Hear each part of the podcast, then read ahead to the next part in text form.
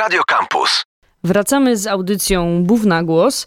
Dzisiaj porozmawiamy o zbiorach muzycznych i o archiwum kompozytorów polskich i z tego tytułu w studiu znamienici goście pani Magdalena Borowiec, kustosz Archiwum Kompozytorów Polskich. Dzień dobry I, Państwu. Dzień dobry. I pan Piotr Maculewicz, kierownik Gabinetu Zbiorów Muzycznych. Dzień dobry. No to skoro rozmawiamy o zbiorach muzycznych, to ja mam takie pierwsze pytanie, gdzie one się w ogóle znajdują w budynku biblioteki? Gdzie państwa szukać? Jak wszystkie zbiory specjalne Biblioteki Uniwersyteckiej w Warszawie, także gabinet zbiorów muzycznych jest na trzecim poziomie, znanym także jako poziom 1080 od jego wysokości nad powierzchnią gruntu. Kiedyś tak w architekturze budynku ten poziom nazywano 1080. Wiadomo, że chodzi o ostatnie piętro pod ogrodami. Czyli tak e, u szczytu. U szczytu. E, To jeszcze w takim razie podpytam, jak to archiwum jest e, zorganizowane u państwa? Jak te zbiory też są w tym e, archiwum e, przechowywane? Czy tutaj jest potrzebna jakaś szczególna troska, szczególnie o te najcenniejsze zbiory i zabytki, które państwo Nasz gabinet dzieli się na trzy zasadnicze kolekcje. Są to muzykalia historyczne, stare druki i rękopisy od XVI po XIX wiek, tak zwane zwykłe druki muzyczne, druki muzyczne współczesne od XIX do XX wieku oraz Archiwum Kompozytorów Polskich. A więc te trzy kolekcje mają też swoje trzy wydzielone osobne magazyny, e, w których są odpowiednie dla przechowywania tego typu zbiorów warunki, a więc utrzymywana w miarę stała temperatura i wilgotność, z czym czasami bywają drobne kłopoty, ale staramy się m, to bardzo dokładnie monitorować. No i zbiory są tam świetnie zabezpieczone. Y, Może dopowiem, Archiwum Kompozytorów Polskich y, y, na swoim, od, od, w początkowym okresie swojej działalności miało inną lokalizację niż gabinet zbiorów muzycznych, do którego archiwum strukturalnie przynależy. I stąd czasami od, można odnieść wrażenie, że to jest jakaś osobna część. Nie, Archiwum Kompozytorów Polskich należy do gabinetu zbiorów muzycznych, chociaż y, lokalowo jest z nim połączone dopiero od czasu nowego gmachu BUW-u. A wcześniej gdzie się w takim razie e, znajdował? Wcześniej było dość zabawnie, bo nasz główna część gabinetu była na Ochocie w budynku geologii, gmachu geologii, razem z Instytutem Muzykologii, z którym też była właśnie bytami rozłącznymi. Instytut miał swoją bibliotekę, gabinet zbiorów muzycznych BUW miał swoją, ale wszystko mieściło się w jednym korytarzu, natomiast Archiwum Kompozytorów Polskich miało siedzibę w Pałacu Tyszkiewiczów przy krakowskim przedmieściu, co powodowało różne logistyczne czysto kłopoty, ale tak to było i bardzo nas ucieszyło, że mogliśmy się w nowym gmachu na Powiślu wreszcie scalić.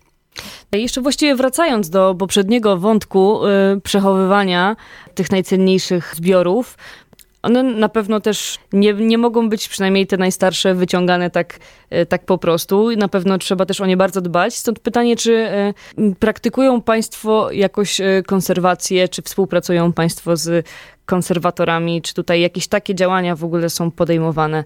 I jak- Oczywiście wszystkie zbiory specjalne Biblioteki Uniwersyteckiej są pod opieką konserwatorską, przy czym ta konserwacja ma wiele wątków. Czasami są to po prostu drobne zabezpieczenia, a więc zapewnienie cennym obiektom opakowań ochronnych, bezkwasowych y, kopert, y, tek, a czasami są to bardzo poważne zabiegi konserwatorskie, które są też, dodajmy, ogromnie kosztowne i czasochłonne. A więc zawsze te potrzeby konserwatorskie są dokładnie rozpoznawane i no, chcielibyśmy oczywiście w jak najszerszym stopniu zapewnić bezpieczeństwo i komfort naszym zbiorom, ale czasami jest to niemożliwe z powodów czasowych i finansowych, więc dbamy o to, by no, jak najlepiej je zabezpieczyć właśnie choćby opakowaniami ochronnymi i typować zbiory do mm, szczególnie zaawansowanej konserwacji. Skoro mówimy o zaawansowanej konserwacji, to tutaj, e, jeżeli chodzi e, o te zbiory, no to dotyczy tych najstarszych, czy tutaj właściwie nie ma reguły? Każdy typ zbioru ma swoje wymagania konserwatorskie. Mm, O dziwo, te najstarsze obiekty często są w bardzo dobrym stanie, gdyż do ich wytworzenia używano bezkwasowego papieru, który nie ulega z biegiem wieków degradacji. Czasami wyjmujemy z półki druk z XVI wieku i on wygląda jakby był, nie wiem, faksimile wydanym kilkadziesiąt lat temu. Po prostu jest jak nowy. Oczywiście bywają też druki, które w trakcie eksploatacji uległy zużyciu, jakieś okładki trochę zszargane, że tak powiem. Natomiast inne typy zbiorów mają no, inne wymagania konserwatorskie. Największy problem nie tylko naszej biblioteki, wszystkich bibliotek stwarzają książki, druki XIX-wieczne na kwaśnym papierze, który ulega takiej autokorozji, degradacji. Są oczywiście specjalne technologie odkwaszania, to są też rzeczy i czasochłonne, i kosztowne. Z kolei w archiwum kompozytorów no, kompleks problemów jest też inny. Mm, są to rzeczy w różnym stanie, też na różnej jakości papierze. Na ogół wystarcza im dobre opakowanie ochronne, w niektórych przypadkach jakiś rozdarć, uszkodzeń oczywiście poddawane są także bieżącej konserwacji. Ale warto powiedzieć o tym, że w momencie, kiedy y, trafiła do nas spuścizna Karola Szymanowskiego, która do tej pory jest naszą najcenniejszą spuścizną, naszą perłą, można powiedzieć, y, zbiorów, nie tylko archiwum kompozytorów, i jeszcze wtedy oddział konserwacji BUW nie pozwalał na tak zaawansowane prace konserwatorskie, a waga tego, tego, tego zbioru była ogromna. To my posłużyliśmy się konserwacją zewnętrzną i wykonał rękopisy, rękopisy Karola Szymanowskiego. Konserwował najwybitniejszy ówczesny chyba konserwator papieru, profesor Tuszewski. W tej chwili nasza pracownia konserwacji Biblioteki Uniwersyteckiej zatrudnia znakomitych fachowców i, i tego typu prace już możemy wykonywać w ramach własnego zespołu. Biblioteki Uniwersyteckiej. Chociaż sporadycznie też korzystamy z konserwatorów zewnętrznych. Zresztą jest w ogóle duży problem z konserwatorami, bo na rynku jest niezbyt dużo fachowców, są bardzo przeciążeni pracą i pozyskanie ich no, bywa w tej chwili dość trudne. No tym bardziej bardzo cenne jest, że taki zespół u Państwa się znajduje. Tak, też mogą, się cieszymy. Mogą też Państwo korzystać z jego pomocy. Co właściwie w takim razie w tych zbiorach możemy u Państwa znaleźć? Jak to jest w ogóle podzielone i... Jaki zakres czasowy. Tak, rozumiem, jaki tak? zakres jaki czasowy. Zakres czasowy tak, tak, tak. zbiorów jest. No jest bardzo bogaty. Nasz gabinet jest specyficzny na tle innych gabinetów zbiorów specjalnych. Przy okazji poprzedniej audycji mm, nasi koledzy wspominali, że zbiory specjalne bywają wyróżniane według kryterium chronologicznego, czyli na przykład stare druki to wszystko między Gutenbergiem a rokiem 1800, e, zbiory XIX wieku, no to oczywiście XIX wiek, lub pod względem formalnym, jak gabinet rycin, który gromadzi ryciny i rysunki, czy kartografia gromadząca mapy i atlasy. My natomiast mamy ogromne spektrum i typów zbiorów, i chronologicznie.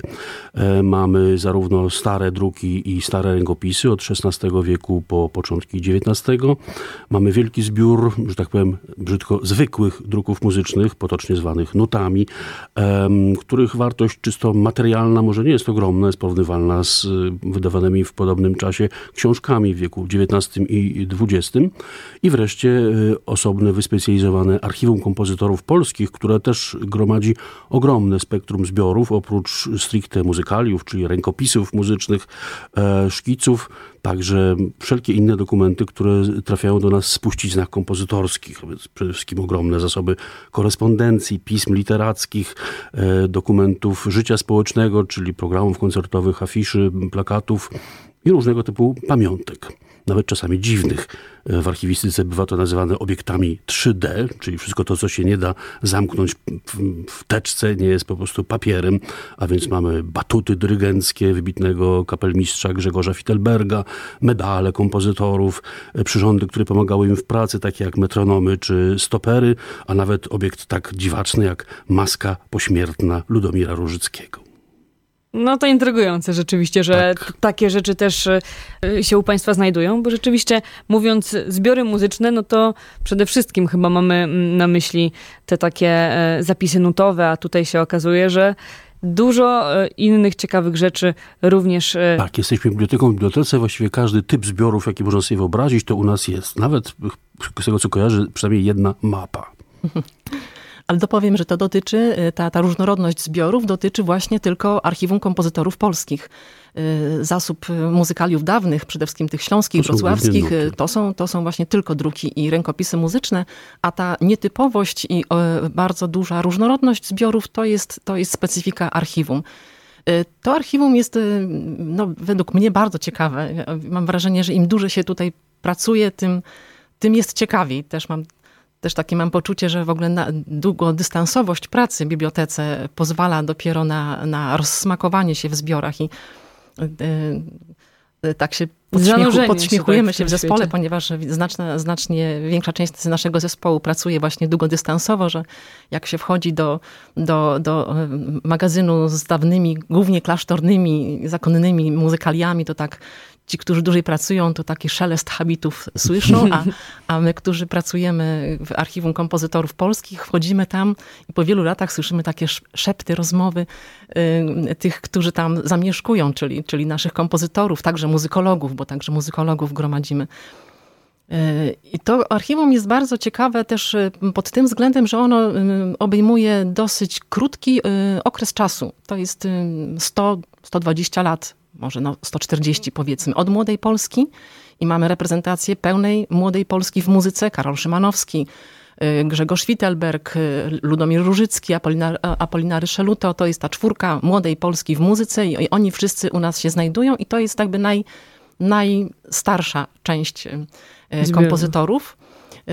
A ci najmłodsi to są ci obecnie jeszcze żyjący. I to jest też dla nas bardzo cenne, że archiwum w środowisku jest już tak rozpoznawalne, że zwracają się do nas kompozytorzy i kompozytorki. E, co nas bardzo cieszy, e, żyjący, którzy deklarują chęć e, złożenia swoich rękopisów, swojej spuścizny właśnie w naszych, w naszych właśnie, zbiorach. Właśnie, to jest pewien problem, bo nie wszyscy z nich w ogóle tworzą rękopisy. Najbardziej współcześni kompozytorzy no tak, piszą już głównie jest, na komputerze i nie mają, nie mają za bardzo co nam dać. Często mówię, zróbcie chociaż wydruk i autoryzujcie go podpisem. A nie, ja to mam wszystko na pendrive'ach, na dyskach.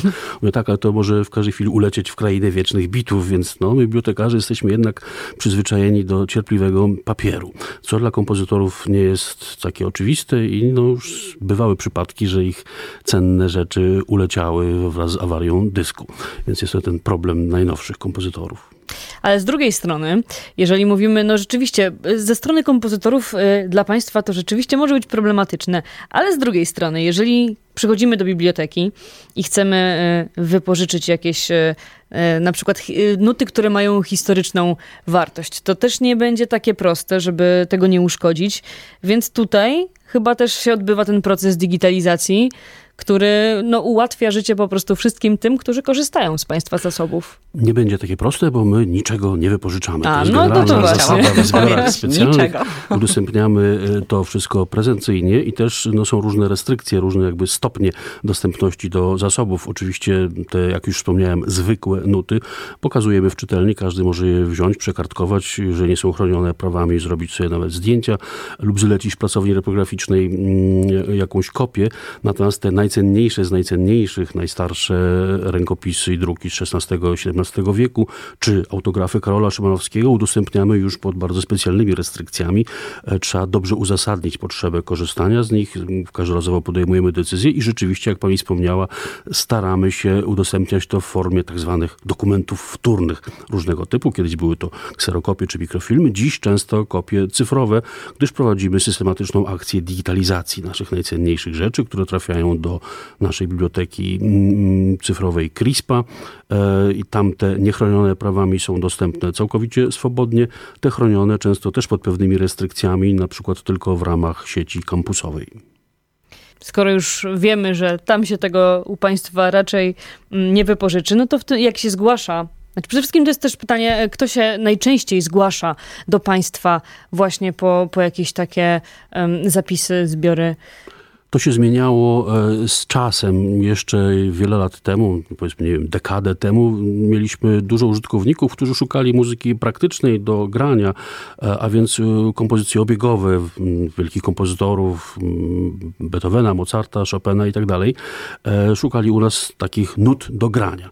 Natomiast w tej chwili bardzo dużo takiego repertuaru jest już dostępnego w sieci. Sami się do tego przyczyniamy, bo również zasilamy takie wielkie repozytorium druków muzycznych, Petrucci Music Library e, kopiami naszych, naszych niechronionych zasobów i tam w tej chwili użytkownicy się już przyzwyczaili, że mają ogromne spektrum wszystkich tego, tego kanonu literatury muzycznej. Więc do nas trafia w tej chwili bardziej wyspecjalizowany czytelnik, e, zwłaszcza zainteresowany muzykaliami dawnymi i przede wszystkim archiwum kompozytorów polskich. To jest w tej chwili gro czytelników, bardzo wymagających, bardzo też wiedzących, czego chcą i bardzo często ciekawych. To w takim razie zaraz wrócimy do tematu i ja tutaj będę pytać, e, co właściwie e, ci e, łowcy nut mogą stamtąd wyłowić właśnie. Co najczęściej wypożyczają, ale też co jest warte uwagi, żeby może podpowiedzieć tym, którzy mają jakiś pomysł na, na swój jakiś program artystyczny, po co warto sięgnąć. Pytanie do pani Magdaleny Borowiec, pani kustosz Archiwum Kompozytorów Polskich. Czego najczęściej szukają i zainteresowani właśnie w archiwum kompozytorów polskich. Jakie to są prace, dzieła, nazwiska? Jest... Sytuacje są bardzo różne z, z naszymi gośćmi bo są to zarówno osoby y, ze środowiska muzykologicznego, muzycznego, poszukującego nowego polskiego repertuaru, najchętniej jeszcze nieznanego, niewykonawanego, niewydawanego. I, i, I to są często pytania, czy macie coś ciekawego, co byśmy mogli E, ale mamy też dosyć, dosyć pokaźną grupę i właściwie coraz większą grupę czytelników zewnętrznych, myślę o, o czytelnikach zagranicznych, których nasze zbiory interesują. To jest dla nas o tyle ciekawe, że nasze zbiory nie są specjalnie widoczne online, E, a jednak jakimiś takimi ścieżkami e, powiązań osobowych e, wiedza o tym archiwum wykracza poza, poza granice Polski. I przyjeżdżają do nas zainteresowani doktoranci najczęściej na dość długie stypendia ze Stanów Zjednoczonych, z Kanady, z Australii, z Europy Zachodniej. Drążąc tematy, które są w polskiej muzykologii przez długie lata były pomijane, może były za świeże, E, dotyczący muzyki mm, socrealizmu. No w tej chwili w zasadzie także w Polsce ten temat bardzo dynamicznie jest rozwijany e, chociażby przez muzykologię, muzykologów e, z Instytutu mm, Sztuki Polskiej Akademii Nauk.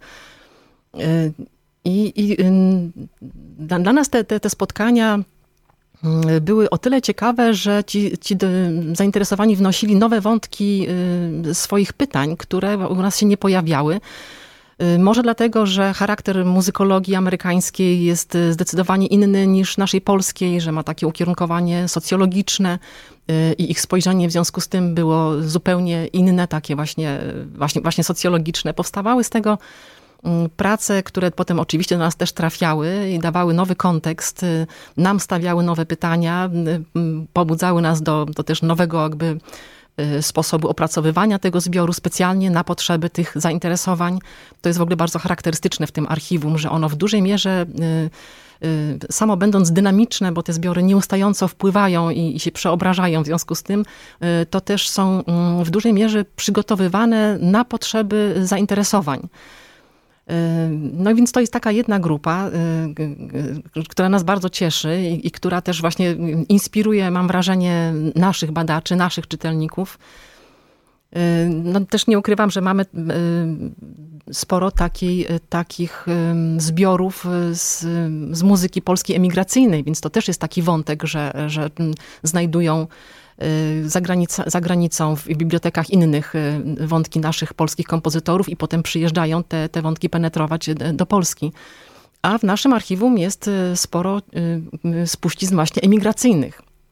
E, co też jest na pewno ciekawą, ciekawą częścią tak, tego archiwum, że, że do nas z zagranicy przybywają te spuścizny kompozytorów, którzy nie w Polsce tworzyli i, i umierali. I tu może wspomnimy postać szczególnie ciekawą, zresztą związaną bardzo z kulturą radia, e, postać Romana Palestra, który przez bardzo wiele lat był współpracownikiem rozgłośni Polskiej Radia Wolna Europa, co miało tę konsekwencję, że komunistyczne władze PRL nałożyły na niego zapis, i właściwie Roman Palester był całkowicie nieobecny w, w świadomości muzycznej, znaczy prawie całkowicie, bo e, oczywiście świadome osoby wiedziały o istnieniu takiej postaci jej twórczości, ale nie funkcjonował w polskich filharmoniach, e, rozgłośniach radiowych, nagraniach i wydawnictwach.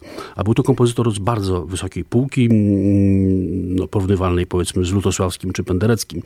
E, I właściwie został w Polsce całkowicie no, wygumkowany, zapomniany.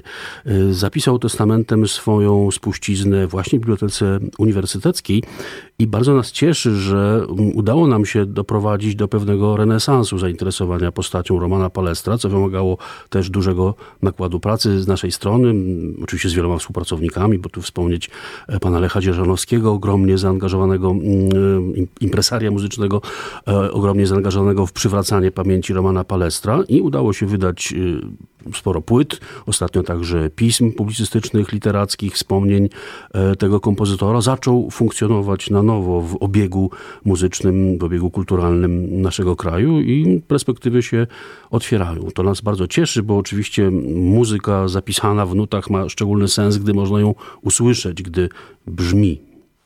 No tak. Jeszcze tylko dopowiem, że w kontekście Romana Palestra nie może zabraknąć e, nazwisk dwóch osób, którym można powiedzieć e, zawdzięczamy, e, że ta spuścizna do nas trafiła, a które poznały i zaprzyjaźniły się z kompozytorem jeszcze za jego życia. To jest pani profesor, emerytowana profesor Uniwersytetu Warszawskiego, pani profesor Zofia Helman i pani Teresa Chylińska z, z Krakowa, absolutnie naj, naj, najważniejsza badaczka Karola Szymanowskiego. I dzięki tym paniom i ich przyjaźni z kompozytorem zawdzięczamy to, że ta spuścizna w ogóle do nas trafiła. W ogóle kontakty osobiste są bardzo ważne dla takich rzeczy jak pozyskiwanie cennych spuścizn. Często ktoś nas poleca i właśnie czy wdowy po kompozytorach, czy często sami kompozytorzy jeszcze za życia decydują, by powierzyć nam swoje zbiory i to jest na ogół bardzo dobry wybór. No zdecydowanie. Najlepszy. Tym bardziej, że u Państwa rzeczywiście można znaleźć e, sporo takich białych kruków. Właśnie mówiliśmy e, przed chwilą o jednym takim przykładzie. Mm, czy w ogóle Państwo e, mają taką, taką jakby wewnętrzną trochę misję, żeby popularyzować trochę te bardziej zapomniane nazwiska i, i jakoś się tak na światło dzienne? Oczywiście, bardzo się staramy. Też korzystając z osobistych kontaktów, zwłaszcza z muzykami, jeśli mamy nadzieję na wykonania artystyczne dzieł, które są w naszych zbiorach. Już wiele mówiliśmy o archiwum kompozytorów, ale też staramy się animować zainteresowanie dawnymi muzykaliami. Mm, mamy też kilka niezwykle cennych i ciekawych obiektów właśnie w tych dawnych kolekcjach e, kościelnych i klasztornych, przede wszystkim pochodzących z Dolnego Śląska. Na przykład zespół wspaniałych tabulatur lutniowych, specjalnych typów rękopisów przeznaczonych tylko do zapisu, notowania muzyki na lutnie z Krzeszowa. Jest to absolutnie unikatowy zbiór zawierający kilka tysięcy mm, utworów, często unikatowych, niereprezentatywnych prezentowanych w innych przekazach i wielu lutnistów się tym interesuje. Kopie cyfrowe są dostępne w naszej bibliotece, więc y, biorą i grają z tego. Ostatnio duże zainteresowanie wzbudził niezwykle rzadki i cenny zbiór rękopisów z XVIII wieku z udziałem harfy. Dodam, że harfa wcale nie była oczywistym wtedy instrumentem, była rzadko używana, już zwłaszcza w muzyce kościelnej. Tymczasem mamy taki zespół rękopisów, który wzbudził wręcz sensację. E, badała go nasza koleżanka Ewa Hauptmann Fischer, która kataloguje te właśnie dawne muzykalia. Mamy też nasz chyba najcenniejszy z dawnych obiektów kodeks menzuralny, czyli przepiękny rękopis z przełomu XV i XVI wieku, zawierający też bardzo cenny i unikatowy repertuar z Dolnego Śląska. On również stał się przedmiotem bardzo dobrej jakości nagrań mm, i wykonań, tak więc bardzo nas cieszy, gdy możemy usłyszeć w nagraniach czy wykonaniach koncertowych te rzeczy, które stoją na naszych półkach i staramy się to animować, zainteresowanie nimi. A jeśli chciałoby się takie zbiory zobaczyć, to czy są jakieś takie wystawy, czy, czy różne inne pokazy tych e, zbiorów z Państwa archiwum organizowane, żeby można było tego jakoś tak doświadczyć? To bardzo różnie. Kiedyś rzeczywiście tych wystaw było troszkę więcej. Taką ostatnią wielką wystawą, bardzo nas absorbującą, była wystawa monograficzna poświęcona Karolowi Szymanowskiemu. I to y, trochę nas też przekonało, że może ogrom pracy włożonej w taką wystawę, no, nie zawsze przekłada się na y, jakieś konkretne rezultaty. Z tą wystawą było sporo kłopotów, nie przez nas zawinionych. Mhm. Ona się odbywała wiele lat temu w, w Teatrze Wielkim i tam były różne też kłopoty z jej udostępnianiem w związku z ogromnym obłożeniem Teatru Wielkiego różnymi innymi rzeczami. To nas troszkę zraziło do takich ogromnych, monumentalnych i spektakularnych wystaw, ale staramy się e, pokazywać te zbiory przy różnych okazjach. Częściej w postaci prezentacji dla studentów, dla gości, tego typu rzeczach. No i oczywiście popularyzujemy je metodami, nowoczesnymi metodami cyfrowymi. Nasze zbiory funkcjonują w wielu portalach poświęconych polskim kompozytorom, w bibliotekach cyfrowych, nie tylko w naszej bibliotece CRISPA, ale też we wspomnianej Petrucci Music Library, gdzie jest już bardzo bogata reprezentacja naszych cennych obiektów. One chyba lepiej funkcjonują w ten sposób niż w formie mm, takich tradycyjnych wystaw. Ale też wykorzystujemy na przykład festiwale i, i pokazy tak. właśnie przy okazji Koncerty. festiwali muzycznych y, dla, dla gości festiwalowych.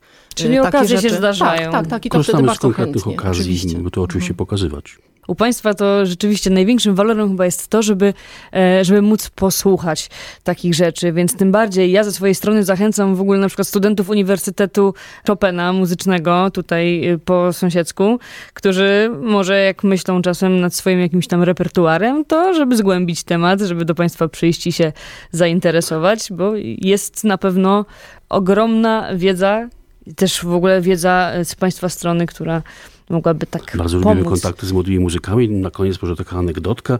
Jak odwiedziła nas kiedyś bardzo urocza śpiewaczka, która powiedziała, że jej mm, pani profesor zadała taką arię, tylko szczerze mówiąc nie pamięta dokładnie jaką i z jakiej opery, ale może zaśpiewać. Po czym przystąpiła do śpiewania tej arii. Powiedziałem, oczywiście aria Donny Elwiry z Don Giovanniego Mozarta. Mamy nuty, za chwilkę pani udostępnimy. Była bardzo zachwycona.